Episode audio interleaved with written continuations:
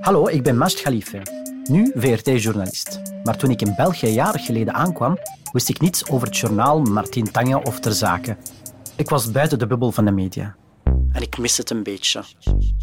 Daarom kijk ik in deze podcast naar Vlaanderen, België en de wereld via andere ogen en met andere stemmen. Oekraïne! Dit is Andere Ogen, in deze aflevering heb ik het over Oekraïne. Ik wil graag weten hoe de Oekraïners in ons land de oorlog beleven. Hallo. Oksana? Ja, Ja, het is mijn Mast. Ik ben er. kom binnen. En daarom ging ik bij Oksana langs. Hallo. Zij runt een winkel in Antwerpen voor Oekraïns design.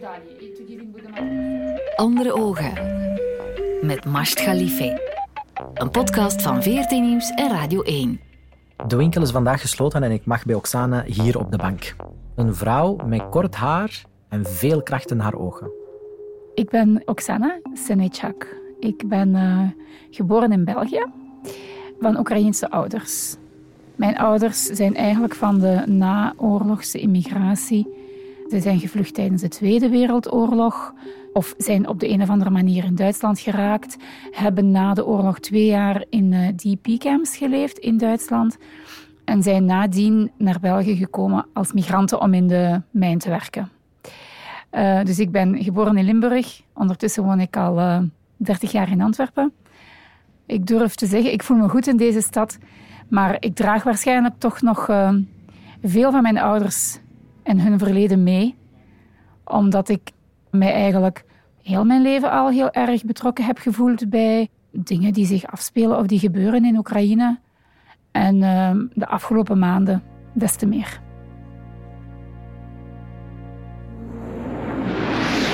цель – защита людей, которые на протяжении 8 лет подвергаются издевательствам, геноциду со стороны киевского режима. Rusland stuurt een speciale militaire missie naar Oekraïne.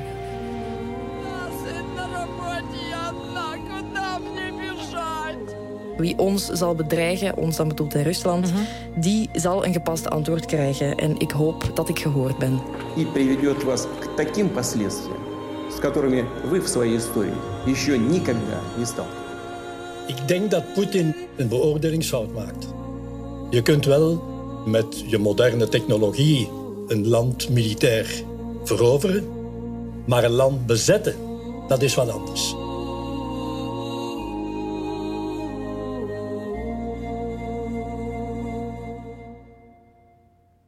Oksana is in België geboren en getogen. Maar Oekraïne verovert een grote plaats in haar hart. Dat stukje Oekraïens, dat is natuurlijk altijd aanwezig geweest. Wij hebben, toen ik kind was en mijn broer en mijn zussen, gingen wij op zaterdag naar de Oekraïnse school. Heel vervelend, hè? want Belgische kinderen moesten dat niet doen. Dus ik weet dat er bij mij vroeger, als kind misschien minder, maar in mijn jeugdjaren was er veel irritatie. En ik vond dat allemaal ja, onnodig. Mijn Oekraïense taalkennis heeft mij dan weer wel geholpen in mijn studies. Ik heb dan Russisch gestudeerd. Ik wilde dan ook op een bepaald moment wilde ik echt ook wel naar Oekraïne. Dat was toen nog Sovjet-Unie. Maar bij mij groeide dat eigenlijk echt wel, dat gevoel van... Dus het reizen eind jaren tachtig werd toch al makkelijker. Dus ontstond ook bij mij echt dat, dat gevoel van ik wil daar toch wel naartoe. Ik wil ook meer zien wat ik weet van de verhalen van mijn vader of moeder. Ik wil daar meer van zien. Ik ben dan in 1991 naar Oekraïne gereisd. Ik ben naar de Sovjet-Unie gereisd. Ik ben naar de Sovjet-Unie gereisd op 3 of 4 augustus 91. En uh, ik ben uit Oekraïne vertrokken de 24 augustus. En dat was de eerste onafhankelijkheidsdag van Oekraïne. Що вам потрібно радитися? Я хочу вас запитати. І скільки вже можна радитися? Адже кожен депутат сьогодні час такий, що має мати свою... Dat was niet gepland, maar dat is heel... Ik vind dat wel allee, ook een grappig moment dat ik naar de Sovjet-Unie ben gereisd en uh, uit Oekraïne ben vertrokken. Daar ben ik heel blij om. Ik heb dan mijn man leren kennen. Dus vanaf dan ben ik nog meer gaan reizen naar Oekraïne. Je krijgt kinderen en dan kan je je de vraag stellen, wat doe je? We gaan over naar het Nederlands en we voeden ze op als in een Belgisch gezin, maar dat is eigenlijk dat is moeilijk. Mijn man is volledig Oekraïens. Ik ben, ja, ik kan echt niet zeggen voor de helft. Ik ben ook meer dan voor. Ik ben. Ik voel mij Oekraïense met natuurlijk Belgische gewoontes en met een, een westerse manier van leven. Maar diep in mij voel ik mij echt wel Oekraïense. Wij hebben dat ook meegegeven aan de kinderen. We zijn vaak naar Oekraïne gereisd. De kinderen zitten ondertussen ook al wel jaren in de Oekraïnse scouts ook. Waardoor dat je ook die band onderhoudt. Maar ik denk ook niet dat dat verkeerd is. Ik vind, we leven in een maatschappij waar culturen zich mengen, maar waar dat je desondanks toch wel mag behouden wat dat van u is. Dan is eigenlijk hetgeen dat altijd al wel in mij zat waarschijnlijk. Hè? Omdat ik dat van de verhalen thuis, van de Oekraïnse school. Oekraïnse school was meer dan alleen leren lezen en schrijven. Daar zat ook cultuur bij, geschiedenis. We hebben uiteindelijk de feestdagen, we hebben kerstmis, Pasen. Dat met zijn tradities gevierd wordt. Kerstliederen zingen is een, een echte ingeburgerde traditie bij Oekraïners. En ook mijn kinderen nu, hier geboren, groot geworden, maar die, ze kijken enorm uit naar dat moment dat er weer gezongen wordt aan tafel met kerst. Dat creëert een heel speciale sfeer. En ja, als je daarmee groot wordt, laat je dat niet zomaar naast je liggen.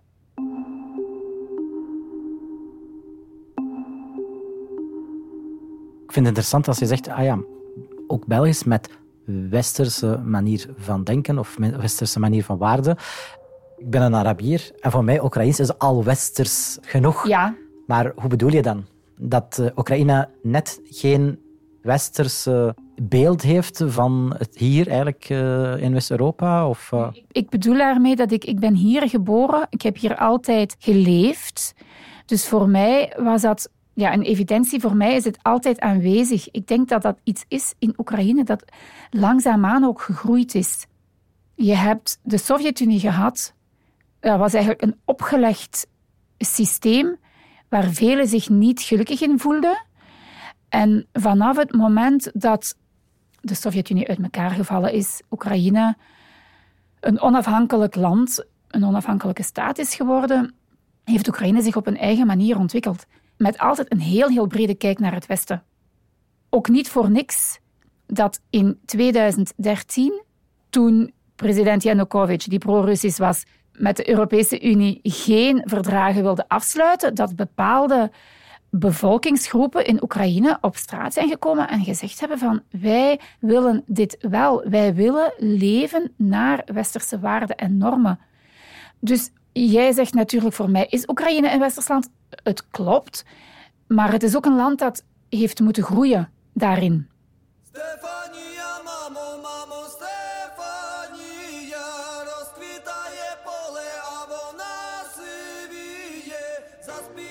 Dankzij het nieuws weten wij intussen heel veel over Oekraïne. Maar volgens Oksana moeten wij dit ook weten over het land en de bevolking. Oekraïners zijn echt wel heel humoristisch. Daar zit echt wel heel veel humor in. Humor helpt ook enorm veel te relativeren. Hè? Ook op Facebook de grappen die je nu soms ziet over momenten van oorlog. Zelf in tijdens zo'n groot drama als de oorlog in Oekraïne blijven mensen moppen maken. Ja, absoluut. Over wat dan? Bijvoorbeeld Enkele weken geleden met uh, zware bombardementen op maandag. Die maandag dat er toen overal in Oekraïne de hele dag door gebombardeerd is, kon je dan bijvoorbeeld lezen van uh, wat doen die Russen nu? Als alle elektriciteit in Oekraïne wegvalt, dan hebben we binnen negen maanden nog meer Oekraïners, terwijl ze nu alle pogingen doen om die maar uit te roeien.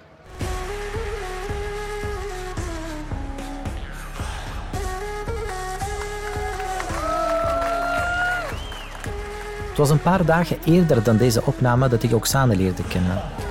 Ik sta op het Operaplein in Antwerpen, in het centrum van Antwerpen. En het is een klein protest van de Oekraïnse vluchtelingen in ons land.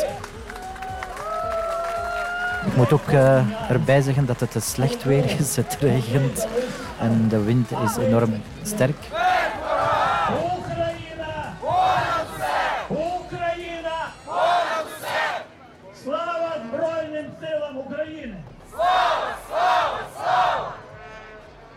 Herkenbaar voor mij toen ik jou ook zag tijdens de demonstratie in Antwerpen. Ik voelde wel die strijdvaardigheid, niet zo'n cliché, maar echt ingeburgerd in de bevolking. Ik, weet niet of het juist uitspreken, Slava Oekraïne, als je dat samenroepen, dan voel je wel dat het echt uit het hart komt, precies. En dat is niet zomaar, oh, cliché of oh, het lang leven ons land of zo, maar echt, dat komt echt uit het hart. Het komt zeker uit het hart, maar het is wel... En ik zeg ook niet dat we elkaar altijd daarmee groeten, maar we groeten elkaar daar veel mee, omdat dit hetgeen is dat op het moment elke Oekraïner bezighoudt. Dat is die afloop en die overwinning. En we pikken het niet. Dus die Slava Oekraïne is gewoon van, het lukt ons. Dus je zegt dit ook echt om, om jezelf te sterken. En je wenst dat eigenlijk dat land toe, die Slava. Dat is echt... Het komt echt uit het hart. Heeft de oorlog dat nationalisme nog meer versterkt, nog meer geactiveerd? Niet alleen bij de burgers, maar bij u zelf? Ben je nu meer nationalistisch door de oorlog dan eerder? Nationalistisch zijn mag niet negatief zijn. Zo wil ik het in ieder geval zeggen. Je hebt een vaderland en je houdt van dat vaderland. België en vele andere landen zitten op dit moment in een goede positie. We zitten er al jaren in. En als je geen oorlog kent, hoef je het ook voor niemand of niks op te nemen. En ik voel mij heel, heel diep Oekraïner, maar ik woon in België en moest er morgen iets met dit land gebeuren, ik denk dat ik ook zou rechtspringen. En ik zou al het mogelijke doen om dat land waar ik van houd te helpen. En dit is wat ik nu ook doe voor Oekraïne. De bevolking wordt er hechter en sterker door. Meningsverschillen zijn er altijd. Dat neem ik niet weg. En die bestaan nu ook. Ik denk dat het gewoon qua meningsverschillen nu belangrijk is voor Oekraïne en de Oekraïners om deze even aan de kant te schuiven, want er is één gemeenschappelijk doel en dat is een overwinning. En als je bedoelt met nationalisme, maakt het de Oekraïner meer bewust van zijn Oekraïens zijn? Ja, zeker wel.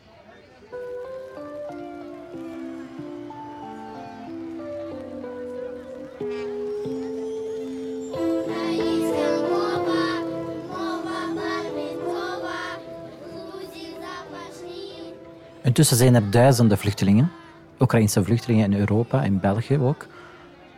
Wat is het, de algemene overtuiging? Is dit hier lang verblijf of geloven nog heel wat Oekraïners van mm, mm, oorlog straks misschien voorbij, ik keer terug? De kinderen die je zag op de betoging, dat zijn vooral kinderen die afgelopen acht maanden zijn toegekomen. Die nu gestart zijn met een Oekraïnse school op zaterdag. En ik denk dat dit zeker nodig is. In hun geval Vele van hen gaan op een dag ook wel teruggaan. De eerste vraag is, hoe lang gaat dit duren? Dus als je spreekt over een jaar is niks eigenlijk. Is heel kort en maakt het dan ook makkelijk om terug te gaan. Maar praat je over drie, vier, vijf jaar, dan zit je ook al met kinderen die hier zo lang toch al school gelopen hebben, waardoor het eigenlijk ook bemoeilijkt. Daarnaast merk ik toch wel van velen dat ze terug willen en dat ze ook echt wachten. Sommigen die ook al twijfelen, anderen die zelfs al vertrokken zijn. Daarnaast heb je ook nog voor velen dat de partner nog in Oekraïne is. Voor anderen ook de zoon. Hè? Want je hebt ook een moeder die met de dochter is meegekomen, maar de zoon is dan in Oekraïne gebleven. Dus die zullen toch ook op de een of andere manier herenigd moeten worden. En dan heb je nog het aspect dat wanneer Oekraïne de oorlog wint, wanneer dat we in de fase komen van vrede. Hè. En kijk, die komt er, hè. daar gaan we vanuit. Heb je ook iets als wederopbouw? Ik hoor dit ook als ik communiceer met de mensen die voor mijn winkel spullen aanleveren. Je hoort echt zeggen van, als de oorlog voorbij is, dan gaan we dit en dit maken. Maar twee keer zoveel, twee keer zo groot, veel meer. De drang en de wens om het allemaal ook weer herop te bouwen is enorm groot. Intussen zijn er duizenden Oekraïnse vluchtelingen in ons land aangekomen. Voor lange tijd of korte tijd, niemand weet het eigenlijk. Je moet Nederlands leren. Je, natuurlijk, je moet uiteraard Nederlands kennen vooraleer dat je aan het werk gaat.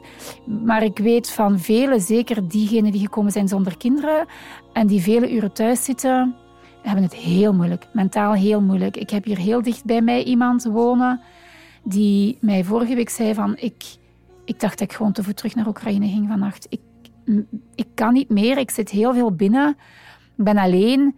Er is geen andere bezigheid. De eenzaamheid treft wel de mensen. treft de mensen vooral als ze alleen zijn. Dus ik denk de mensen met kinderen hebben dan nog de afleiding door de kinderen, maar degenen die hier alleen zitten, die krijgen het enorm moeilijk. Hebben hoe dan ook nog altijd een deel van hun familie daar. Dus deze mevrouw specifiek, haar mama woont nog in Oekraïne. Ze is daar heel erg ongerust over. Ehm, ze werken niet. Dus ja, je wordt niet zo opgenomen in die maatschappij gemakkelijk. En nu, nu zegt ze ook, ik ben verpleegster, kan ik hier niet ergens in een bejaardentehuis ook een paar uur vrijwilligerswerk doen? Ze zou niet liever willen. En ik weet dat er zo nog voorvallen zijn, dus zij is echt niet alleen. Ik hoop diep in mijn binnenste hoofd dat dit... Ehm,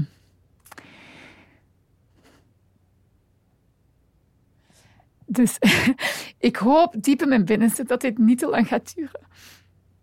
Stefania, Mama.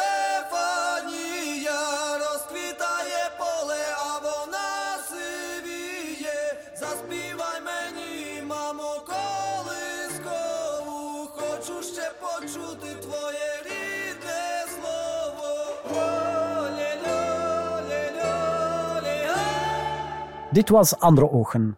Tot de volgende keer.